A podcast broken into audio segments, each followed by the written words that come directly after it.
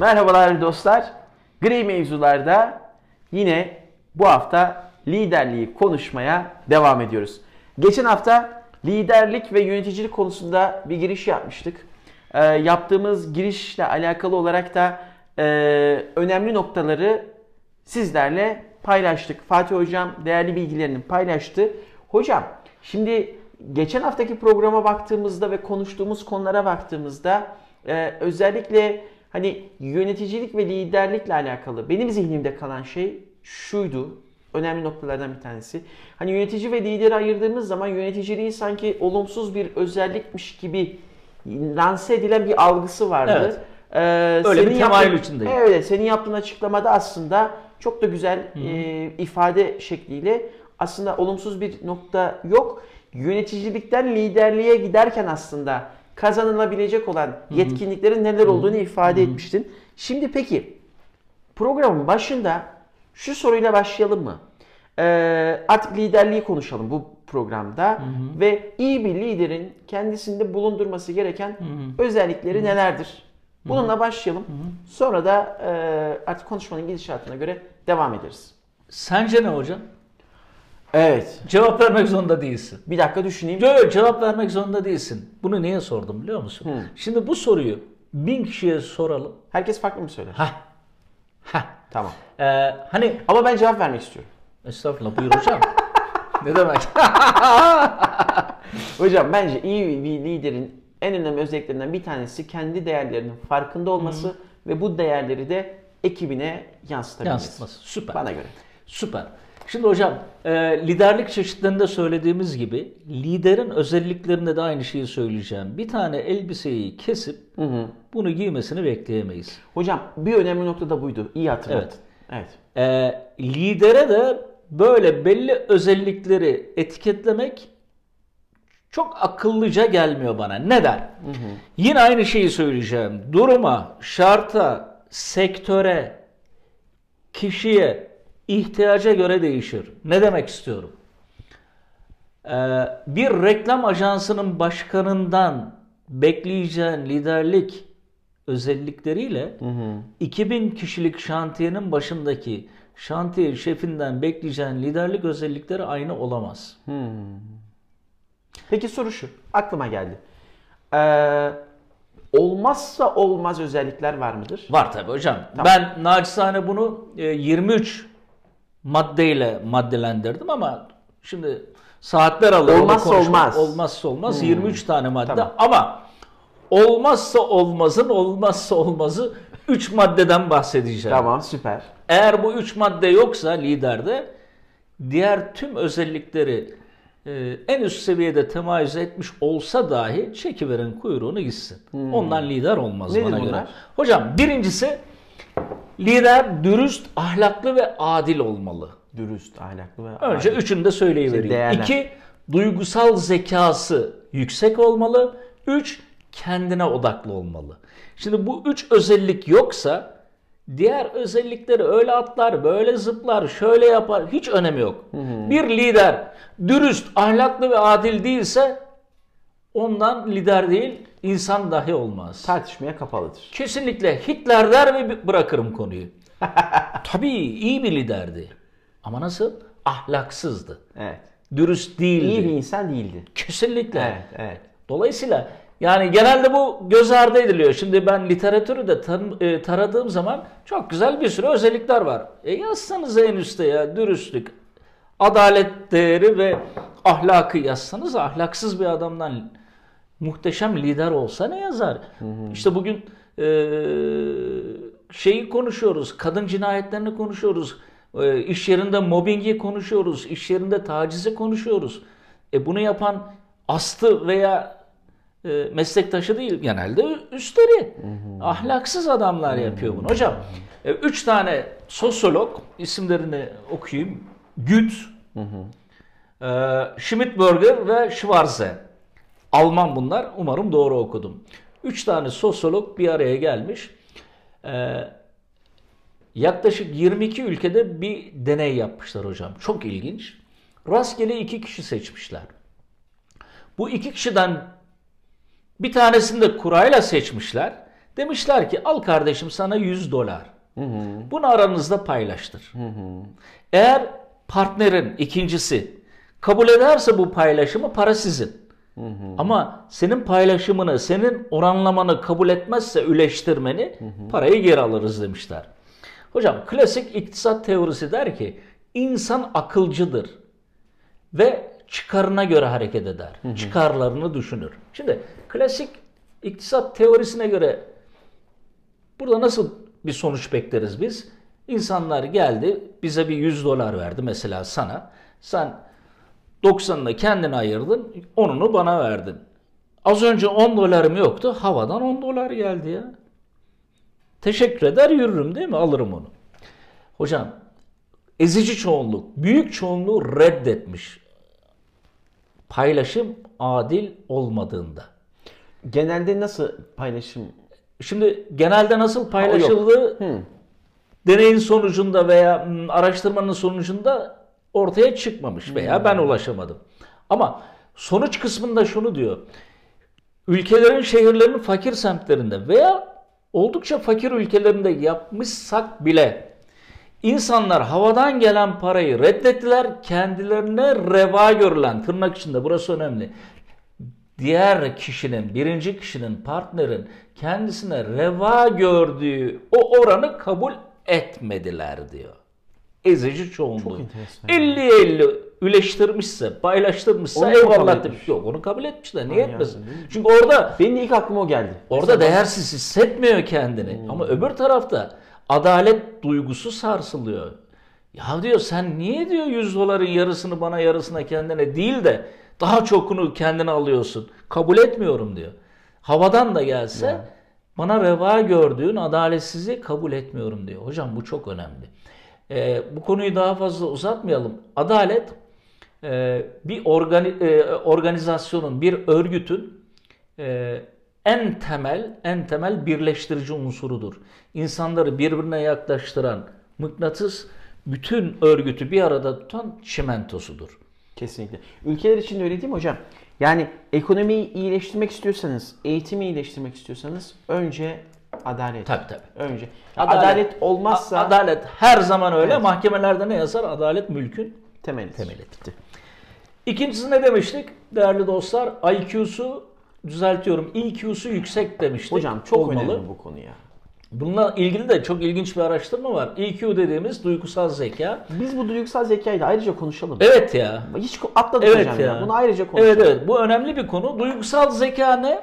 Ee, gözleri korkutmayalım. Çok basit aslında. Duygusal zeka kişinin kendi duygularını anlayabilmesi ve onu yönetebilmesi. Kişinin empati kurabilmesi diğer insanlarla, onların duygularını anlayabilmesi ve aralarındaki ilişkiyi yönetebilmesi. Tüm bunların sonucunda da gün sonunda yüksek bir öz farkındalık, yüksek bir öz değer, e, yüksek bir öz saygı kazanması. Duygusal zeka e, temel olarak bu. Yakın zamana kadar IQ'su yüksek olan insanlar yönetici yapılmış tüm dünyada. Yine bir bilimsel araştırma. E, yöneticilerin performansları kontrol edilmiş. IQ'su yüksek olan yöneticiler toplam zamanın %20'sinde yüksek performansla çalışmışlar. Kalan %80'inde ise IQ'su görece daha düşük, diğer insanlar çok yüksek performans göstermişler. Onlar kontrol edilmiş. Bu adamların ne özelliği var da IQ'su yüksek olanlara göre daha başarılı, daha performanslı? %90'ının ortak özelliği EQ'larının yani duygusal zekalarının yüksek olmasıymış. Talent Smart diye bir araştırma şirketi var Amerikalı. 1 milyon Amerikalı üzerinde yapmışlar araştırmayı hocam. Ve şunu görmüşler. 1 milyon ya nasıl bir deneyse nasıl bir araştırmaysa bizim yüksek lisans doktora tezde 80-100 kişiyle yapılıyor Türkiye'de hay Allah. Ee, EQ'su yüksek olan insanların performansının %58 daha yüksek olduğu görülmüş.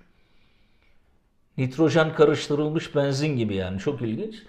Ee, biraz önce söylediğim gibi e, başarılı insanların Ee, ortak özellikleri %90'ında duygusal zeka yüksek. Duygusal zekası yüksek olan çalışanların yıllık kazancı 29 bin dolar daha fazla. EQ'daki her yüzde birlik artış 1300 dolar ek ücret anlamına geliyor. E, duygusal zeka bizim şu anda çok üzerinde durmadığımız, e, analitik zekaya, matematik zekasına çok kıymet verdiğimiz e, bir dönemde yaşıyoruz maalesef. O yüzden aslarını anlayamayan, personelini anlayamayan, takım yapamayan onları. E, en başta dedik ya, e, gönülleri çelemeyen, zihinlerde devrim oluşturamayan, inanmayanları bile bir amaca sevk edemeyen insanlar tarafından maalesef yönetiliyoruz. Ee, EQ'nun kısa sürede gündeme getirilmesi lazım diye düşünüyorum bu Çünkü- ülkede.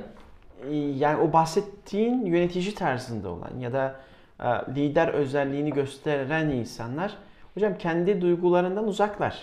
Evet. Kendi duygularını yönetemiyorlar, tanımıyorlar. Evet. Ee, belki işte üçüncü şıkta hani bahsedeceksin ya kendine odaklı olmak. Aha. İşte kendine odaklı Aha. olmak Evet. duygusal zekayı da aslında belki besleyen Çok güzel. önemli Aynen noktalardan öyle. bir tanesi Aynen değil mi? öyle hocam.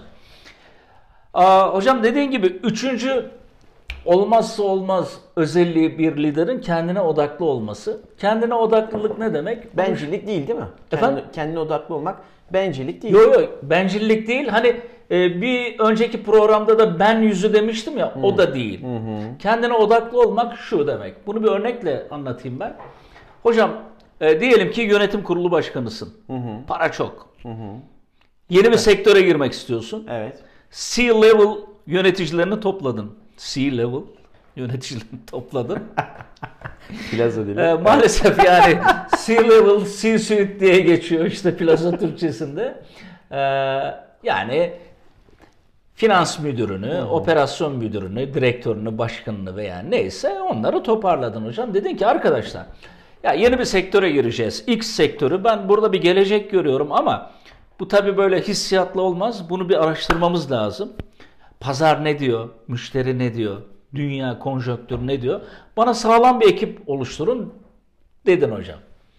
Ve ondan sonra ekledin toplantının sonunda. E, proje liderini de bir yanıma gönderin tespit ettikten sonra dedin. Bütün holding 10 santim kaldırıldı, oturtuldu. Hakan'ı, Hakan Bey'i proje lideri yaptılar. Onun altına da 7-8 kişilik bir ekip verdiler. Bunlar holdingin en iyileri. İşte Hakan Bey yurt dışında okumuş, öbür yurt dışında yüksek lisans yapmış falan. Pro'dan anlayan vesaire bir arkadaşımız. Evet. Title'ı yüksek bir arkadaş. Neyse. Ee, onunla görüştün ve dedin ki Hakan'cığım konuyu anladın mı? Anladım efendim dedi o da. Ne zaman teslim edebilirsin bu raporu? 5 ay sonra makul dedin. Gönderdin. Hakan ve ekibi çalışmaya başladı. Sen zaman zaman sekreterin aracılığıyla soruyorsun. Bir sorun gelmiyor. Zihninde bir alarm yok senin. Hakan götürüyor ya bu işi filan diyorsun. Takviminde işaretli. 5 ay sonra geldi. Az sonra kapı tıkladı. Hakan Bey içeri girdi. Evet dedin Hakan'cığım ne yaptın? Hakan Bey süklüm püklüm efendim biz yetiştiremedik. Neden ben, Hakan? Ben parayı vermişim, bütçeyi vermişim, 5 ay beklemişim. Bana hayır diyeceksin. Niye Hakan'cığım dedin? Hakan şimdi yazmaya başladı. Ee, efendim dedi bizim pazar araştırmamızı yapacak X şirketiyle maalesef e, biz yol alamadık. Bizim hızımıza ayak uyduramadı. İşte başladıktan iki ay sonra ben e, onu değiştirmek zorunda kaldık. E, işte Ali Bey vardı finans konularına bakacaktı. Ali Bey hastalandı yerine Ayşe Hanım'ı aldık. Ayşe Hanım'ın performansı hiç iyi değildi. Ee, organize sanayi bölgesinde ise araştırma yapacak Ayşe ile Fatma vardı. Ayşe ile Fatma çok geç girdi konuya. Toplantı düzenleyemediler. Bir sürü şey yazıyor tamam mı? Ne yaparsın hocam? Yani Hakan derim sen neredesin? İşte Hakan burada kendine değil dışa odaklı. Aynen. Hatayı dışarıda arıyor. Aynen. Ve bu insanların gelişme imkanı sıfır. O daha Kesinlikle. dışarıda olan insan. Kesinlikle ama o kadar çok var ki etrafımızda. Evet, maalesef. ya bunların ortak özelliği şudur. Ben olmasam şirket batar. Ben iyiyim, herkes kötü. Personel zayıf. E, performansı iyi olmayanları verdiler. E bütçem zayıf, az, zaman yok, mazeret çok. Çok. E sen ne yaptın Hakan? Evet. evet. Oysa kendine odaklı Hakan şöyle bir cevap verirdi. İki. İki cevabı var. Bir. Eren Bey rapor hazır buyurun. Dilediğiniz zaman size bunu sunabilirim. Birincisi bu. ideali bu. İki. Her şeye rağmen işler ters gidebilir. Evet. Çok doğal. Evet. Ama Hakan şunu yapardı. Beşinci ayın sonunu beklemezdi. Arada bir dönem seni arardı ve derdi ki efendim biz bunu şu şu sebeplerle yetiştiremeyeceğiz. Sizden ben ilave şu kadar süre istiyorum. Bu arada da yaptıklarını anlatırdı efendim. Hata benim. Pazar araştırması yapacak firmayı doğru seçememişim. Bunu iki ay sonra fark ettik maalesef. Dolayısıyla onu değiştirdim. Ali Bey rahatsızlandı. Yerine Ayşe Hanım'ı aldık. Ayşe Hanım kısa sürede adapte oldu bize. Bak burada bir işaret çakıyorum ben. Evet. Burada bir adam değiştirdim diyorum. Bu önemli bir kırılım. Ama Ayşe'yi kötülemiyorum orada. Ee, öbür tarafta işte isimleri yanlış söyleyeceğim belki ama Hasan'la Fatma şeyde e, organize sanayi bölgesinde araştırma yapıyorlardı. Arkadaşlar çok gayretliydi. Bazı sorunları aşamadılar. Daha sonra ben de girdim devreye. Arkadaşlarla birlikte üstün performanslarıyla belli bir noktaya getirdik. Burada Hakan mazeret söylemiyor. Merkeze kendisini alıyor. Tedbirlerini anlatıyor ve diyor ki sadece benim bir haftaya 15 güne neyse bir aya daha ihtiyacım var. Hocam bu öyle bir e, özellik ki şimdi ahlaksız adamdan e, adaletli olmayan adamdan lider olmaz. Bu özellik de diğer bütün özellikleri kapsayacak bir özelliktir. Yani kendine odaklı bir insan kendini geliştirebilir. O daha içeride olan. Kendini geliştirebilen bir insan çevresini de geliştirir. Dolayısıyla bu üç tane özellik Süper. bana göre olmazsa olmaz özelliktir hocam. Süper. Harika. Peki liderle yöneticinin arasındaki farklar neler? Ha, hocam e, bunu da yani 30, 40, 50 tane söyleyebiliriz. Birincisi ve e, çok önemlisi e, yönetici beyne ve mantığa hitap eder. E, lider kalbe ve ruha hitap eder. Bir defa e, bu kesinlikle değişmez. İkincisi lider mevcut sistemin koruyucusudur. Mevcut süreçlerin koruyucusudur. Burada hiçbir problem yok. Bunu kötülemiyorum ben. Ama lider mevcut sistemin gelişime engel olduğunu hissettiği an mevcut sistemi kabul etmez. Ve onu dönüştürmeye çalışır. Mevcutla yetinmez yani. iktifa etmez. Üçüncüsü ise yönetici atanır, lider adaylar arasından sıyrılarak çıkar kendiliğinden. Temelde üç tane önemli özellik bunları sayabilirim hocam. Peki ya hocam hep merak ettiğim bir şey var. Şimdi lider dediğin zaman karizma olmalı. Karizma geliyor akla. Ee, yani hakikaten liderin karizması olmalı mıdır? Karizma deyince ne anlamamız gerekiyor? Hocam ya karizma çekim gücü ya. Karizma var ya Ya giydiği Ee, kıyafet midir? Yani ekmek kadayıfının üstündeki o örneği vermesek. kaymaktır ya. Çıkınca yiyelim. Ya. hocam Ya ekmek kadayıfı 10 numara 5 yıldız ama kaymaya koyunca işte 6. 7. yıldız alıyorsun. Hocam karizma öyle elbiseyle elbiseyle olmaz. Karizma bir duruş işidir. Yani adam kanvas pantolonu giyer, altına basit loafer ayakkabıları giyer ama onda bir karizma vardır. Anlatabiliyor muyum? Ama Hugo Boss'tan şeye girmiyor değil mi hocam? Reklama girmiyor. yani bu arada e, firmalara da duyuru olsun yani. Hugo Boss haberin olsun. Hugo Boss'tan anlatabiliyor muyum? 20 bin liralık takım elbise giyer. Onun Olmaz elbiseyle e, falan bir ilgisi yok. Kokuyla ilgisi yok. Proyla ilgisi yok. Arabayla ilgisi yok.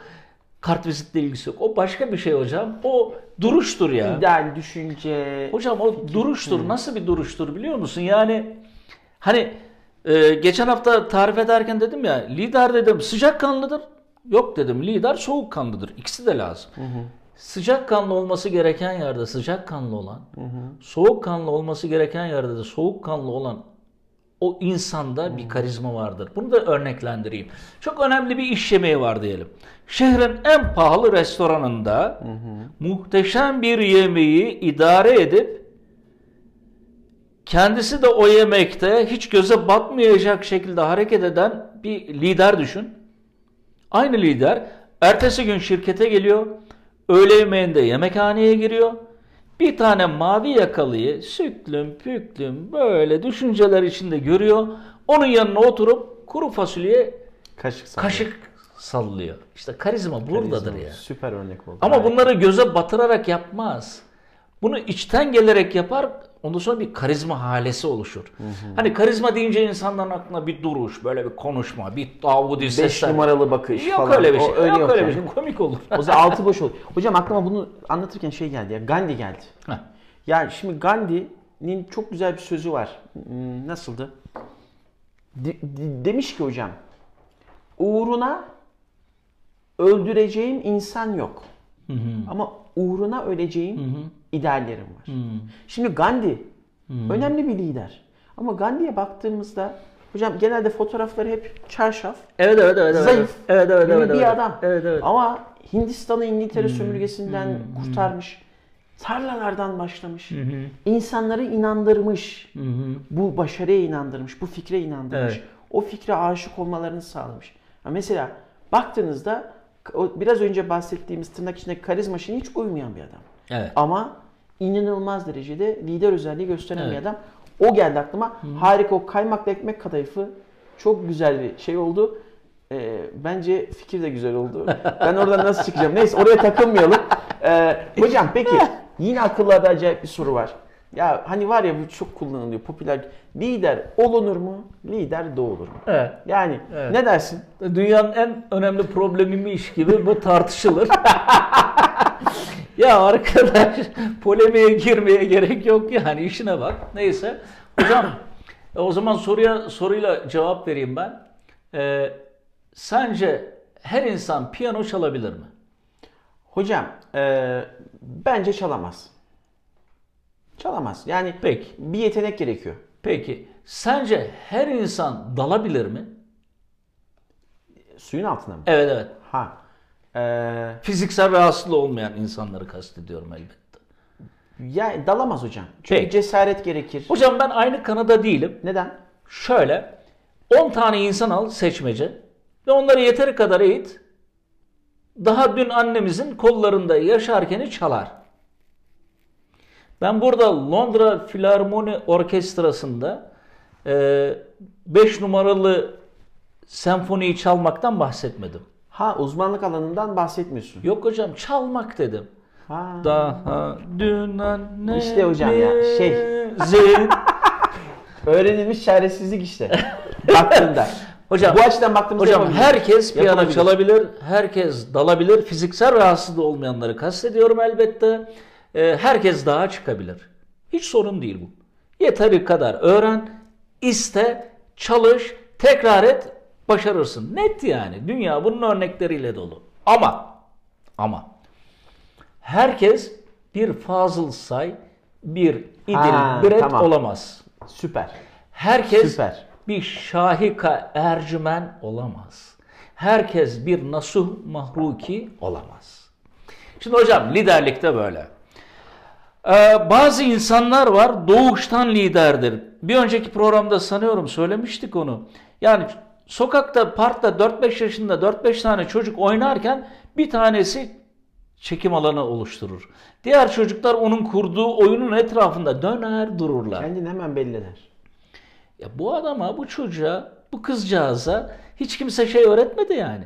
Liderlik falan öğretmedi. Oğlum kızım parka gidince şöyle davran, böyle davran. Oyunları sen kur falan kimse demedi. Bu kendiliğinden oldu. Ha bu çocuğu, bu çocuğun doğuştan gelen bir kabiliyeti var. Tıpkı Fazıl Say'ın, İdil Biret'in, Şahika Ercümen'in diğer insanlara göre ekstra bazı doğuştan özellikler getirdikleri gibi. Şimdi sen ben hocam ne kadar çalışırsak çalışalım. Günde 21 saat 10 sene boyunca çalışalım. Bizden Fazıl Say çıkmaz. Evet. Beşinci senfoniyi çalarız ama Fazıl Say gibi çalamayız. O başka. Liderlik de böyle hocam. Kim insan- insanlar doğuştan lider özellikleriyle doğarlar. Farkında bile değillerdir ama ortamı yönlendirirler. Hemen yönlendirirler. Kimisi ise o liderlik özellikleriyle doğmaz ama bir yüksek iç motivasyonla, yüksek iç motivasyonla, bir iştiyakla, heves ve arzuyla, eğitimle, doğru mentorlarla ve taklitle liderliği öğrenebilir. Tüm kariyerim bu insanları izlemekle geçti. Yani rütbeli, uzman çavuş, as subay, subay gördüm. Çocuk genç geldi. Liderlik özellikleri çok parlak değil. Hatta uzun bir sürede onun sıkıntısını çekti. Ama etrafında doğru örnekler var ve iç sesi ona şunu diyor. İyi lider olmazsan zorlanırsın. Bak diğerlerinin yaptığı işi sen daha zor yapıyorsun ve yaptırıyorsun. İç ses onu diyor.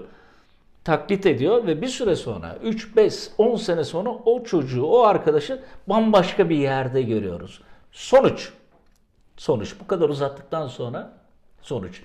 Lider doğulur ama aynı zamanda lider olunur. Bunu da tüm yetkinliklerde olduğu gibi yani piyano çalmaktan zaman yönetimine kadar dalgıçlık yapmaktan stres ve kriz yönetimine kadar tüm yetkinliklerde ve yeteneklerde olduğu gibi en iyiden en kötüye ondan sıfıra doğru sıralayabiliriz.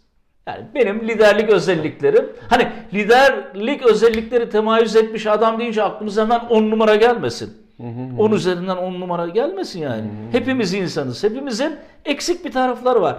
Efendim ben her şeyi harika yapıyorum. Bak her şeyi harika yapıyorum. Ama mesela soğukkanlı olmayı beceremiyorum. Zamanı yönetemiyorum. E ne yani benden şimdi lider olmadı mı? Tamam bir tane çentik aldım. O 99 tanesi iyi ama yok senden lider olmaz. Yok öyle bir şey. Yani şu o zaman toparlarken kapatırken son nefesimize kadar değişim ve gelişim. Ve aslında hayattaki iddia, hayattaki taşıdığın anlam, yaptıklarınla iz bırakma içgüdüsü bunların hepsi aslında o üzerine çalışıldığında e, insanların kazanabileceği Evet. yetkinlik ve o iddia varsa orada da Evet yüksek olabilir. iç motivasyonla iştiyakla ama hocam. Heves ve arzu olmalı. evet, evet. Hani Tutku tutku, diyoruz ya tutku. işte. Eskiler ona iştiyak diyor. Ben daha çok seviyorum o kelimeyi. E, yüksek iç motivasyonla ve tabii ki doğru mentorları takip ederek ve taklit ederek. Harika. Hocam teşekkürler. Ben teşekkür Ağzına ederim. hocam. sağlık. Eyvallah Evet hocam. dostlar. Liderliği konuştuk. Ee, liderle yönetici arasındaki farkı konuştuk. Olunur mu, doğulur mu? Onunla ilgili son noktayı koyduk. Bir yayının daha sonuna geldik. Hocam çok sağ ol. Ağzına Eyvallah sağlık. hocam. Eyvallah. Ee, evet yine her hafta yaptığımız gibi, her bölümde yaptığımız gibi hatırlatmalarımızı yapacağız. Çarşamba günleri bü- bültenimiz var. Lütfen profil sayfalarımıza girin Instagram'da. Gri mevzular Fatih Poçan ya da Eren Gökyer. Orada bir form bulacaksınız. İsminiz, soy isminiz ve mail adresinizi lütfen bırakın. Bültenlerimizle sizleri buluşturalım. Çok güzel geri dönüşler geliyor. O yüzden sizlerle de bu güzelliği paylaşmak istiyoruz. Onun haricinde yorumlarınızı eksik bırakmayın. Yorumlarınızla katkılarınızı lütfen paylaşın. Artı bilgilerinizi bizlerle paylaşın. YouTube'a abone olmayı lütfen unutmayın. Eğer bu içerikleri faydalı buluyorsanız etrafınızda da paylaşın ki bu güzellikleri çoğaltalım. Podcast olarak tüm platformlarda varız. Orada da eğer YouTube'da izleme imkanınıza sahip değilseniz aracınızda yürürken e, kulaklarınızı takarak e, podcast yayınlarımıza da ulaşabilirsiniz. Yeni bir bölüme kadar görüşünceye kadar sağlık ve kalın. huzur diliyoruz. Sağlıcakla.